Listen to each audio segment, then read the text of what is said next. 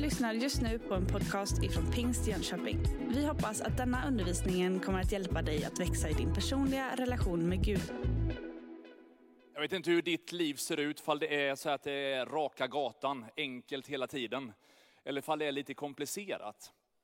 Men jag är otroligt förväntansfull på vad Gud vill göra och tala och säga in i våra liv under den här fasteperioden som vi nu går in i fram till påsk.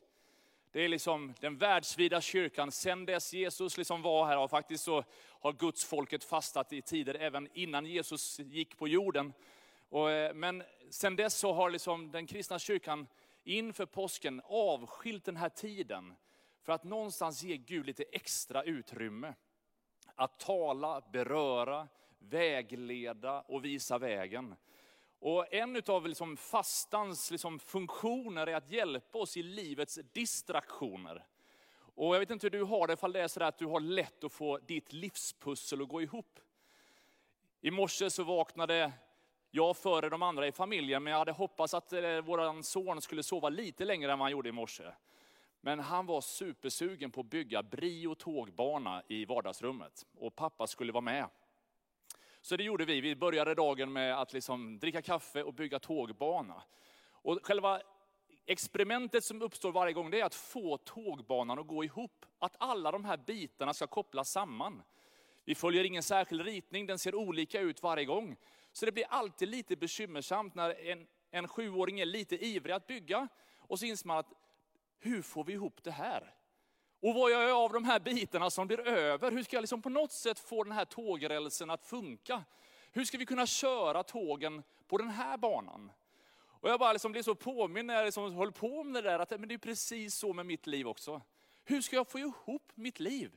Det händer så mycket olika saker. Det dyker upp bitar som jag själv inte har lagt i lådan. Eller det är en massa andra saker som har gått sönder i lådan. Och det, hur i hela friden ska jag få livet att funka?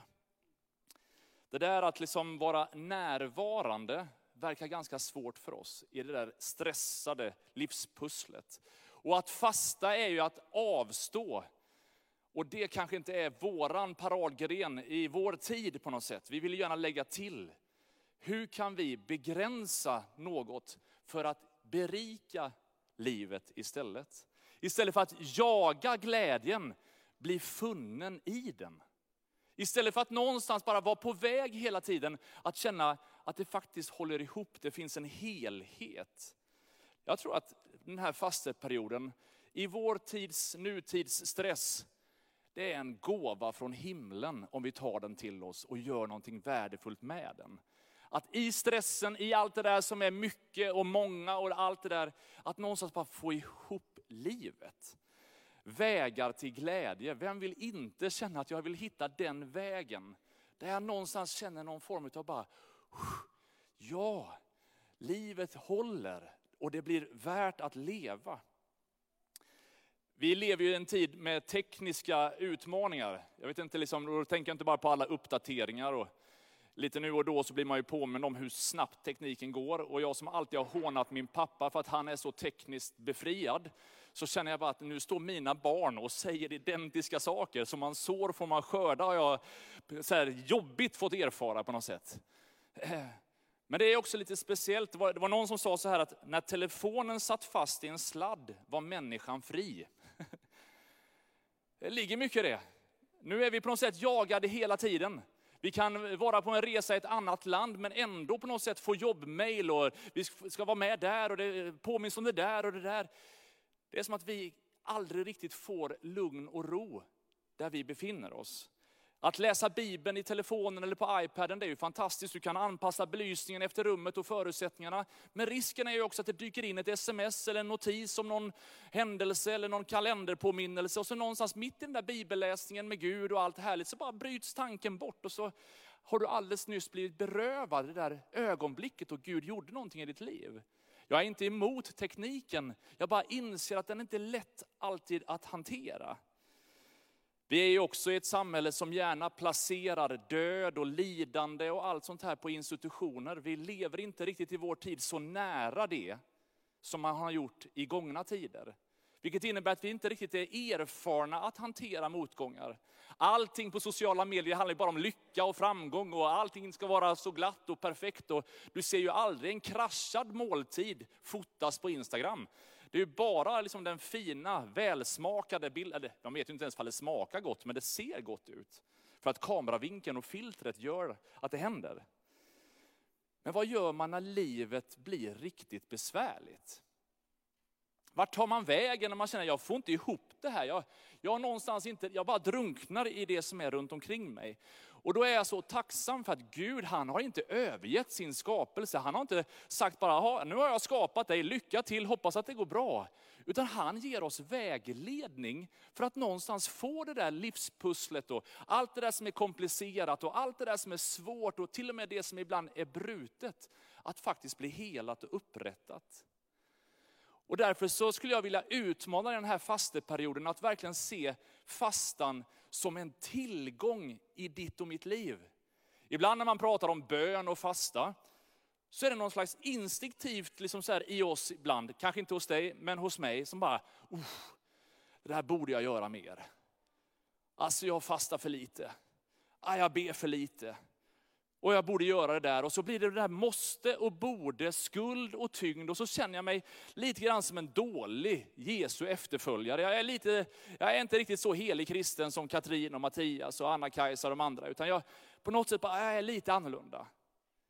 Och så går jag med skuld i, över det. Eller så tänker jag, fasta, det är för de där elitsoldaterna i Guds armé. De verkar liksom, de här riktigt överlåtna, de ber och fastar. Men jag är ju bara en helt vanlig kristen, så det är liksom jag, jag tycker det är härligt att de andra gör det. Och så har vi gjort det till något för några. Istället för att förstå att det här är en enorm välsignelse för oss alla. Det är för vår skull, inte för Guds skull. Det är någonting som händer i våra liv när vi ger lite mer obruten tid med Gud. När vi ger honom vår fulla uppmärksamhet så är det inte bara så att han blir glad och att vi blir glada av att se honom, utan vi förstår mer om både oss själva, om Gud och om livet. I samband med äktenskap så brukar man tala om den här versen från predikaren, att en tretvinnad tråd brister inte så enkelt. Så tänker man att man, kvinna med Gud och så hör, liksom, på något sätt hur det en stark enhet, ett starkt förbund. Men samma princip kan man nästan se i Jesu bergspredikan också. Hur han liksom på något sätt visar på tre stycken olika delar av det kristna livet. Att, att ge, att be och att fasta, att det faktiskt är någonting som är en tretvinnad tråd som gör att ditt liv faktiskt blir bättre, håller ihop mera.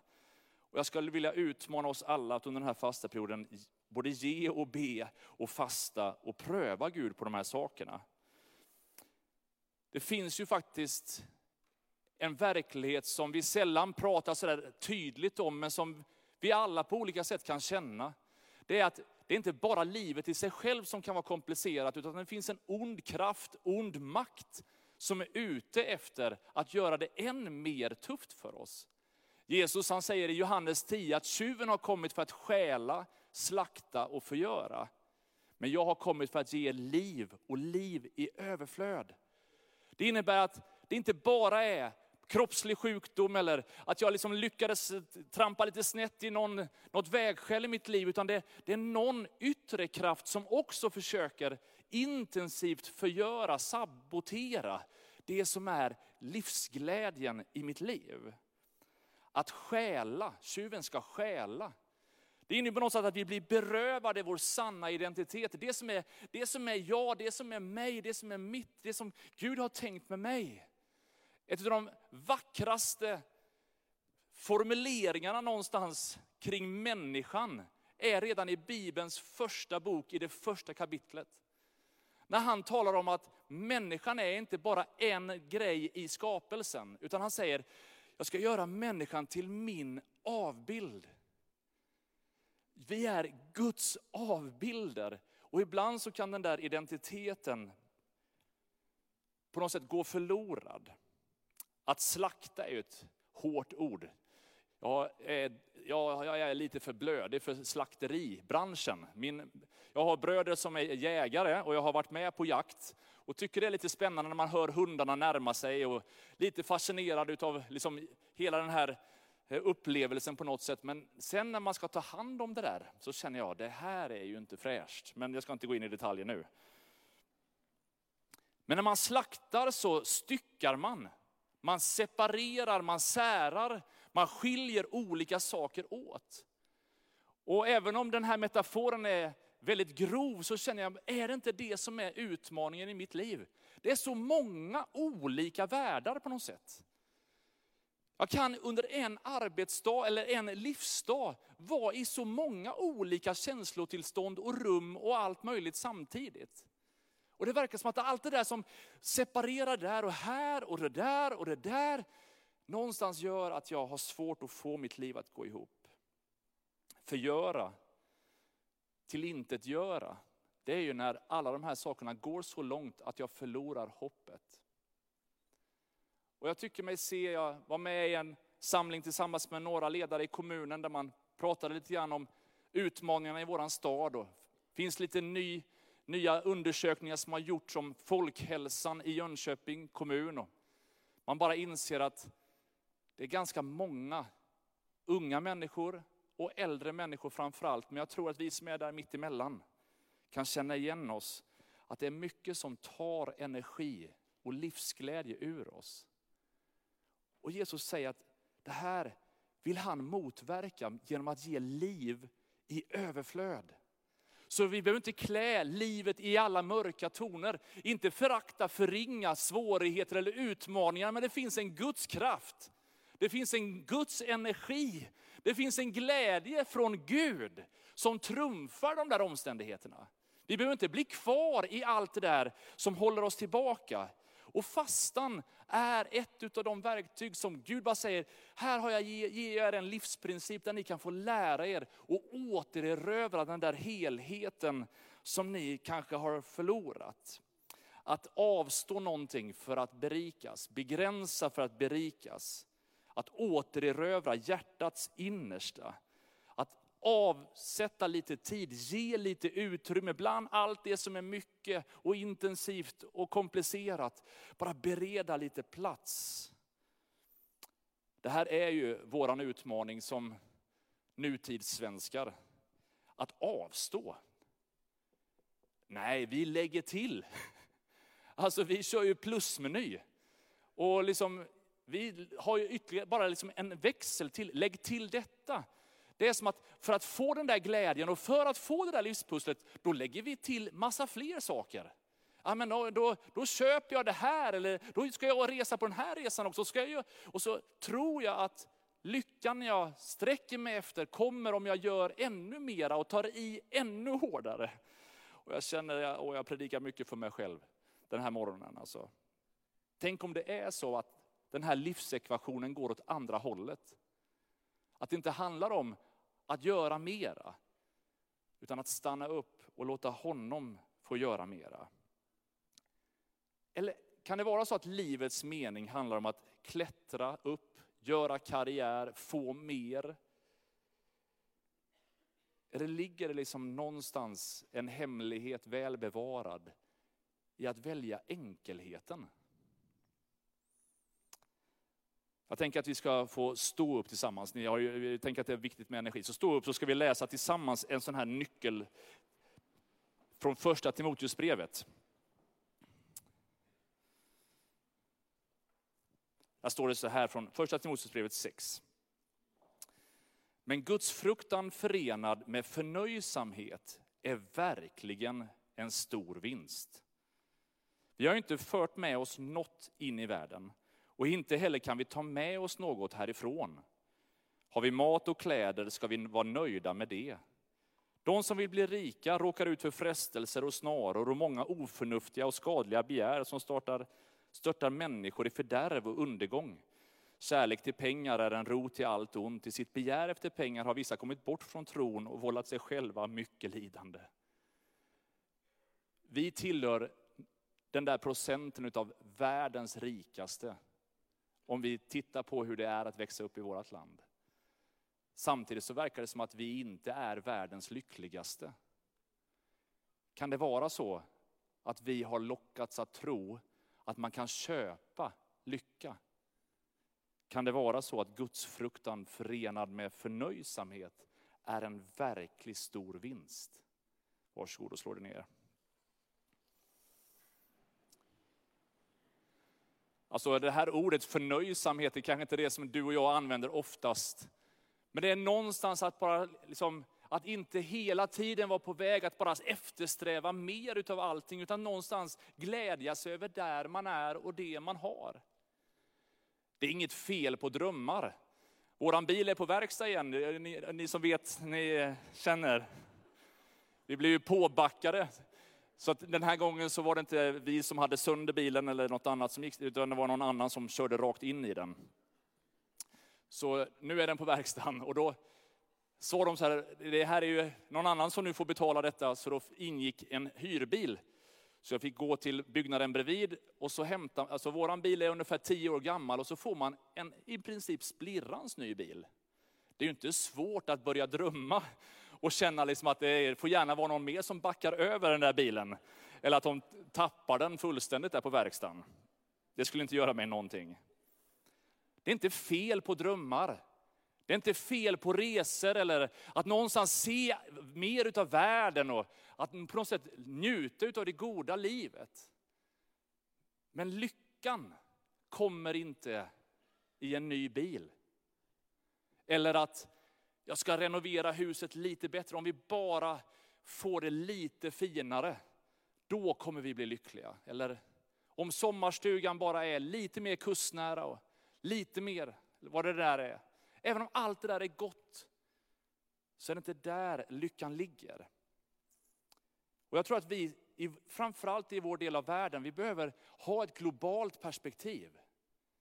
Vi behöver åka på missionsresor till fattiga delar av världen och inte bara liksom tänka att nu ska vi bara hjälpa dem, utan vi skulle behöva sitta där och bara inse hur otroligt privilegierade vi är. Och vilket ansvar har vi då för de som inte har det så? Så att samtidigt som vi kan drömma och ha önskningar, leva i den här förnöjsamheten. Och jag tycker det är fantastiskt för Paulus säger så här i Filipperbrevet 4, att det har glatt mig mycket i Herren att er omtanke om mig till slut fick blomma upp. Visst tänkte ni på mig tidigare också, men då hade ni ingen tillfälle att visa det. Jag säger er inte att jag har saknat något, för jag har lärt mig att vara nöjd med det jag har. Jag kan leva enkelt, jag kan också leva i överflöd. Med allt och med alla förhållanden är jag förtrogen. Att vara mätt och att vara hungrig, att ha överflöd och att lida brist. Allt förmår jag i honom som ger mig kraft. Och här finns en sån livsvisdom att någonstans bara känna, har jag mött Jesus på djupet? Om anden får fylla mig, så kommer allt det Gud är att ha sin boning i mig. Och andens frukt är glädje, frid, kärlek, självbehärskning, tålamod. Allt det där goda som jag känner att det där skulle jag vilja att mitt liv präglas utav. Det kommer från att bara bli fylld utav honom. Och om jag verkligen har Gud här på insidan så fattas mig ingenting. Inte i materiell mening att om jag bara har med Gud här, då kommer jag då bara be ut en ny bil eller en ny husvagn eller vad det nu är. Nej, så funkar det inte. Men tillfredsställelsen, den sanna lyckan i livet, den kommer finnas där. Han är med oss. Allt förmår jag i honom som ger mig kraft. Vilken fantastisk skatt och välsignelse att känna så. Guds fruktan förenad med förnöjsamhet är en verkligen stor vinst. Lukas evangeliet återger ett av de här Jesu-talen där han liksom predikar ut att vi inte ska bekymra oss för vad vi ska äta eller dricka, eller vad vi ska klä oss med. Utan om Gud ger sån skönhet till naturen, hur mycket mer ska han inte då klä er med det som ni behöver? Och i avslutningen på det där talet i Lukas 12 så säger han så här, nej sök hans rike så ska ni få detta också. Var inte rädd du lilla jord, för er far har beslutat att ge riket. Sälj vad ni äger och ge åt de fattiga. Skaffa er en börs som inte slits ut. En outtömlig skatt i himlen, dit ingen tjuv når och där ingen mal förstör. För där er skatt är, där kommer ert hjärta att vara. Helt plötsligt lyfts perspektivet av att jag kan faktiskt investera. Jag kan göra goda investeringar. Där varken rost eller mal, aktieindex, politiskt läge, ingenting kan devalvera den valutan. Utan den har evighetsvärde. Och att det är det vi ska söka, det är det vi ska eftersträva. Och kanske är det det som fastan hjälper oss att någonstans återerövra. När jag begränsar några saker för att berika mitt inre med Gud, så blir Gud mer Gud. I gamla testamentet så ser vi hur Gud ska lära folket, sitt förbundsfolk, när han tar dem ut ur Egypten och ska ta in dem i löfteslandet. Så säger han så här, hörrni, nu ska jag visa er att ni är mina barn, jag ska ta hand om er. Det innebär att ni varje morgon kommer få manna. Jag ska förse er med mat. Och jag ska ge er vaktlar så att ni liksom kan få inte bara mjöl och baka bröd, utan ni ska få lite mer näringsrik kost under den här ökenperioden. Men sen vill jag också att ni, när era liksom, får och getter och allt sånt här, när, det, när de förökar sig, så vill jag att det förstfödda ska ni ge tillbaka som ett offer till mig. Och det där är ju lite läskigt. För om jag ska ge det första lammet till Gud, jag vet ju inte ifall det kommer fler lamm. Hur ska jag kunna, nej men tänk om det inte kommer, det är väl bättre att jag, jag tänker att jag, jag räknar ihop hur många det blev och sen så ger jag något av dem till Gud. Nej, ge det första. Ja, men är det så noga? Ja, kanske inte egentligen för Gud på ett sätt, men för dig. Du behöver lära dig förtröstan på vem han är och att Gud är Gud. Så när du ger det första så tar du ett steg i tro och känner bara, jag vet inte ifall det kommer mer lamm. Men Gud, jag ger det här till dig för att du har sagt att jag ska förtrösta på dig. Och att du ska välsigna, vara med, vägleda, hjälpa. Och jag känner själv i en kontrollfreak som jag själv kan vara ibland. Jag vill gärna veta, kunna, se lite mer vad som är bakom hörnet. Att någonstans bara ta ett steg och säga, Gud, nu leder du mig. Personligen i min fasta, i min bön, så är det så många gånger som jag tänker att Gud, ge mig det här eller visa mig det här. Och sen när jag begränsar några saker för att någonstans berika mitt inre med Gud, så uppenbarar han helt andra saker. Det som jag trodde var på ett visst sätt, leder han mig på ett annat sätt. Och jag skulle önska att den här tiden skulle vi få inse att bli stilla och besinna att Herren är Gud är det mest kraftfulla som en efterföljare till Kristus kan göra. Det handlar inte om att ta i hårdare, ropa högre, liksom, åh, anstränga sig mera, utan att någonstans bara säga Gud, jag vill ha mer utav dig. Var är din röst bland alla röster? För det är inte alltid så att bra är rätt. Ibland så kan det bästa på något sätt blockeras av många goda ting. Och fastan hjälper mig att urskilja allt det där. Vad är det som är rätt? Jeremia säger så här att jag ropar till mig så ska jag svara dig och låta dig höra om stora och ofattbara ting som du inte känner till. Att gå in i en tid av bön och fasta är att säga, Gud, nu vill jag stänga ut en del andra röster. Inte att jag ignorerar mina barn, är en dålig man till min fru och jag bryr mig inte om mina kollegor. Eller om, det är inte det. Men jag skapar lite extra utrymme. Att någonstans bara stanna upp och säga, Gud, rör vid mig. Vi har bön i den här kyrkan varje tisdag klockan 11. Vi har bön varje lunch, onsdag, torsdag, fredag. Och så har vi kvällsbönemöte på torsdagar. Vi kommer säkert ha fler bönesamlingar framöver också. Men du vet, med veckan som ligger bakom så har det funnits all anledning att någonstans jaga tiden och försöka hinna med det där. Och har vi gjort det där och har vi koll på det där? Och i fredags, liksom, när klockan var ett och vi gick in några stycken i bönerummet för lunchbön, inget dramatiskt, men ändå så otroligt gudsnära. Och du vet, alla tankar och känslor man kan ha i kroppen. Man bara säger, Gud du känner allt, nu ger vi det här till dig. Och så känner man bara, ah, vad skönt. Tänk att en kvart där vi stänger ute allt annat kan sätta en helt annan atmosfär i själen. Fasta och bön är inga prestationsångestladdade instrument. Det är befriande hjälpmedel för dig och mig att få livet att gå ihop och att ge Gud plats och utrymme att tala. Och jag skulle bara vilja utmana dig att göra vad du kan, både i den kollektiva bönen som församling, men också i det fördolda du ensam med Gud. Kanske du ska ställa klockan lite tidigare. Jag vet inte när ni brukar gå upp till skolan, för ni är sådana som snosar lika många gånger som några på övervåningen i mitt hus. Eller för ni är liksom snabba upp på morgonen. Eller hur din vardag ser ut. Men kanske du skulle utmana dig själv att gå upp en halvtimme tidigare. Duscha, sätta på kaffe, ta fram din bibel och börja läsa. Och bara säga Gud, vad vill du säga till mig den här dagen?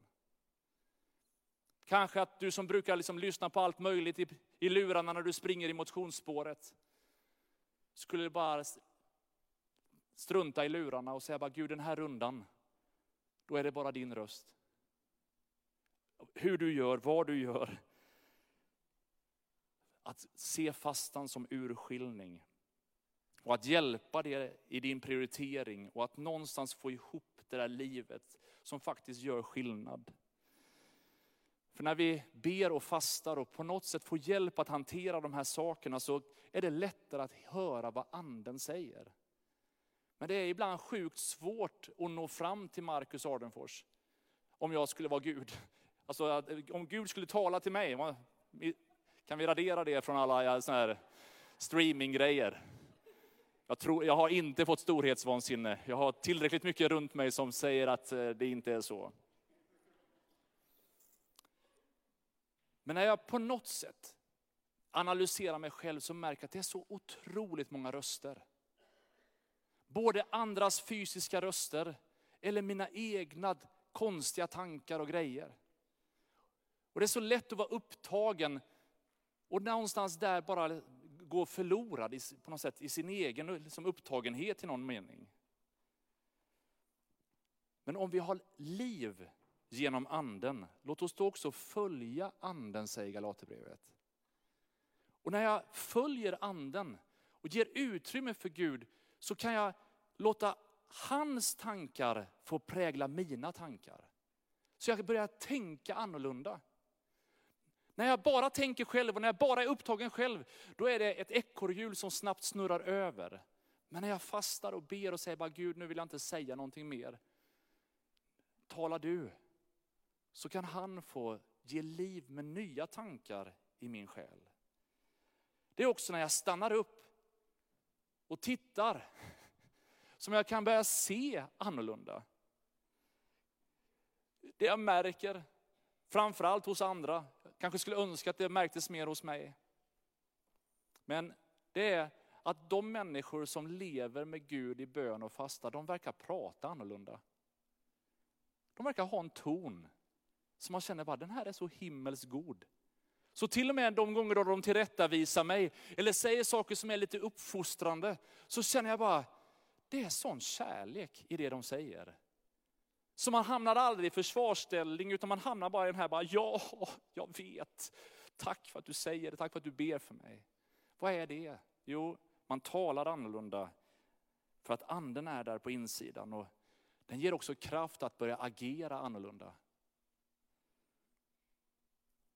En utmaning till oss som säger att vi vill följa Jesus och som accepterar att det finns en ond kraft som vill söndra och förgöra, det är att vi behöver be och fasta för att ha en andlig auktoritet.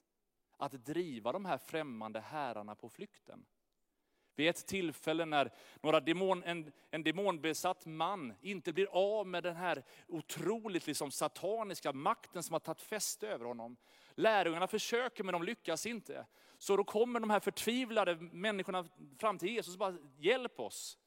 Och så gör Jesus miraklet, befriar mannen från det liksom demoniska betrycket.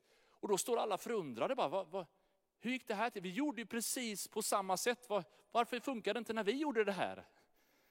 Och så säger Jesus här, ja, den här sorten kan bara drivas ut med bön. Och vissa handskrifter säger med bön och fasta.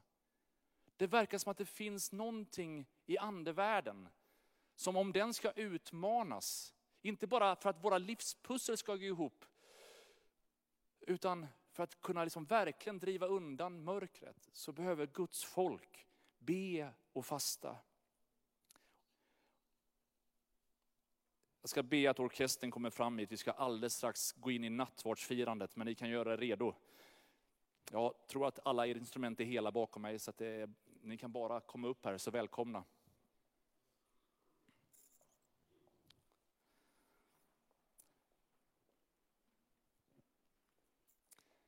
Jesus säger sök Guds rike först så ska ni få allt det där andra också. Är det så du och jag agerar? Eller är det en fin formulering i en gudstjänst? Jesus han säger så här i bergspredikan att saliga är de som hungrar och törstar efter rättfärdighet. För de ska bli mättade.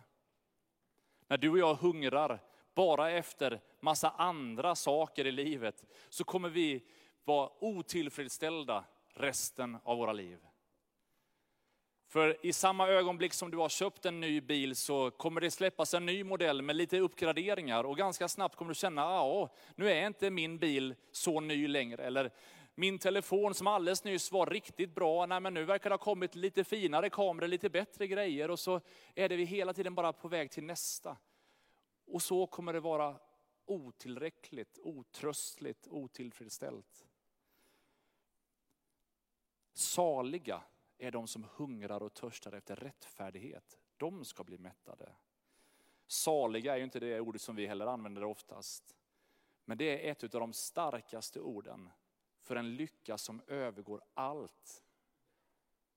En tillfredsställelse som är genuin, som får hela livet att hänga ihop.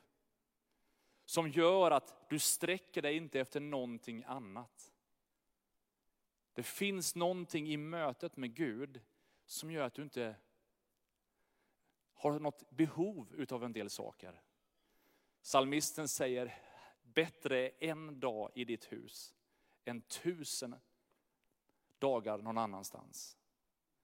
Har jag väl fått tag på vem Gud är, så förstår jag att det där med förnöjsamhet, det är en befrielse. I det enkla finns en kraft. Att inte ha för många prylar, det, det är faktiskt bra. För ju mer jag har, ju mer riskerar jag att det är prylarna som börjar äga mig. Helt plötsligt så måste jag ägna jättemycket tid till att fixa det där och underhålla det och ta hand om det där. För allting som man har liksom runt sig måste man ju ta hand om. Det blir jättekonstigt annars. Och till slut så går all min tid och kraft till allt det där som inte alls egentligen spelar så stor roll.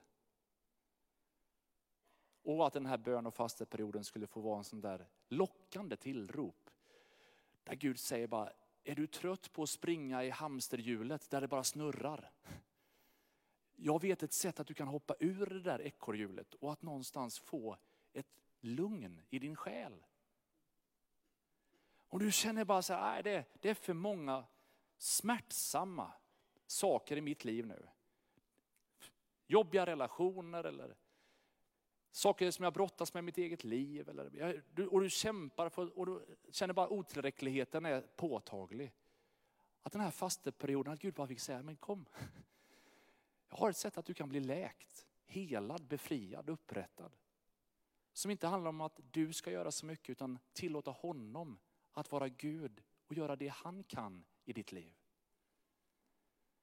Det finns en mättnad.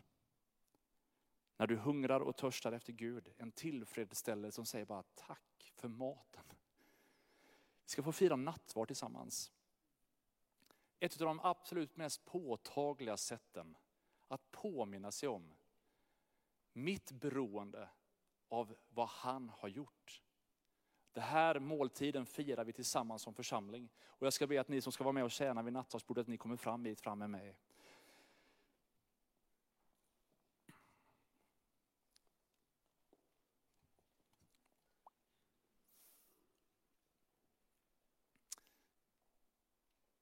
När Jesus instiftar nattvarden så gör han det som en påminnelse, inte bara där och då, utan han säger det här ska ni göra till dess jag kommer tillbaka.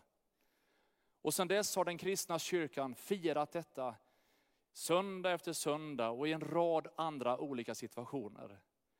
För att aldrig någonsin förlora perspektivet. Precis som Mattias sa i kollekttalet innan, liksom att, att någonstans han förser med bröd, att han är det levande brödet. Och när vi tar emot av brödet, som representerar Kristi kropp, så säger vi tack Jesus för att du bröts ner.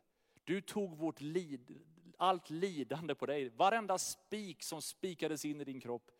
Du gjorde allt det där för att all smärta jag känner, all sjukdom jag bär, alla svårigheter som jag går igenom, allt som är brutet i mitt liv, allt det där som är tungt och svårt för mig att hantera. Du bröts ner för att jag skulle få ta emot frid och helande. Men så ger han en dimension till och så säger han, när ni bryter det här brödet så påminns ni också om att ni fast ni är många, tillhör detta ett enda bröd, är en enda kropp. Och i vårt land så är vi så otroligt självständiga, så vi kan till och med gå till kyrkan och tänka att ändå på något sätt är, det, är jag min egen kyrka. Och nattvarden påminner oss om att livet är i Kristus och där i det livet förenas vi också som bröder och systrar. För dig som inte har några syskon biologiskt, i församlingen får du det. Du som har trassliga relationer och känner bara så här, ah, det är komplicerat i familjen. Ah, men brödet som bryts är en påminnelse om att vi hör ihop och att det han vill läka det som är sårat. Oavsett om vi pratar musikstilar och vilka sånger vi ska sjunga i gudstjänsten på P1. Vi är en kropp, vi hör ihop. Jag hoppas att ni hörde vad jag försökte säga. Vår församling, vi är angelägna om att vara alla generationer tillsammans. Vi tänker inte dela upp oss för att vi inte klarar av att vara tillsammans. Vi tror att lösningen är tvärtom. Mer av Gud, mer av anden, mer tillsammans. Vi hör ihop. På samma sätt så tog han en bägare efter måltiden och sa att det här är det nya förbundet. Genom mitt blod. Ibland så kan ju livets svårigheter och det där som plågar mig på insidan vara oförsonad synd, oförsonad skuld. Allt det där som tynger mig, som jag inte riktigt vet vad jag ska göra med. Saker som jag kanske inte har berättat för någon eller Tänk att du i nattvardsmåltiden får säga Jesus, förlåt mig mina synder. Och så får du bara proklamera att han är din frälsare. Och så ska du få uppleva renhet, befrielse, förlåtelse. Den natten då Herren Jesus blev förrådd så tog han ett bröd, tackade Gud, bröt och sa, detta är min kropp som offras för er. Tag och ät. Han tog bägaren efter måltiden och sa, det här är det nya förbundet genom mitt blod. Varenda gång som ni äter det här brödet, dricker den här bägaren, så förkunnar ni min död till dess jag kommer. Det här är inte på det sättet en begravningstillfälle där det bara var slutet, utan det är också lika mycket en framtidsmåltid att tack Gud för att du en dag ska komma tillbaka och att vi ska få vara tillsammans med dig. Orkestern ska börja spela. Och jag tänker att vi reser oss upp allesammans och så ska vi låta det få vara en stund av nattvardsgång. Det kommer finnas några olika stationer här. Du går till den stationen som är närmast. Och så bara är vi inför Herrens ansikte tillsammans, där vi söker Gud och är tillsammans med Herren. Och vi liksom låter det få bli kö, och är det kö så får du gärna be för den som står framför eller bakom dig om du vill. Eller så bara är du stilla, söker dig till nattvardsplatsen och så ute på min högra sida och på min vänstra sida möter vi dig gärna för mer förbön. Om det är så att du har ett särskilt behov som du vill dröja kvar med, så vill vi gärna ta tid tillsammans med dig. Jesus, jag tackar dig för förmånen. Och att vi får vara församling den här morgonen, Herre. Och att vi får komma samman, Jesus. Herre, vi välkomnar dig. Tack Jesus att du är här. Tala till oss. Betjäna oss med din närvaro, Gud. Herre, vi överlämnar våra liv i dina allsmäktiga händer. Herre, vi söker ditt rike först. Vi sträcker oss efter det som är på ditt hjärta. Herre, den här söndagen och den här fasteperioden vill vi bara helga, avskilja till dig och säga Herre, tala till oss. Herre, låt din röst få vara den starkaste rösten. Låt det där enkla livet i förnöjsamhet skapa förutsättningar för oss att när vi faktiskt begränsar några saker, när vi avstår några saker så berikas vårt inre. Åh Herre, vi bara längtar efter den där tillfredsställelsen, den där andliga mättnaden. Herre, där du gör verkligen ditt verk på insidan utav oss. Herre, vi ber dig i Jesu namn. Amen, amen. Du har just lyssnat på en podcast ifrån Pingst Jönköping. För att få reda på mer om vilka vi är och vad som händer i vår kyrka så kan du gå in på pingstjonkoping.se eller följa oss på sociala medier via pingstjkpg.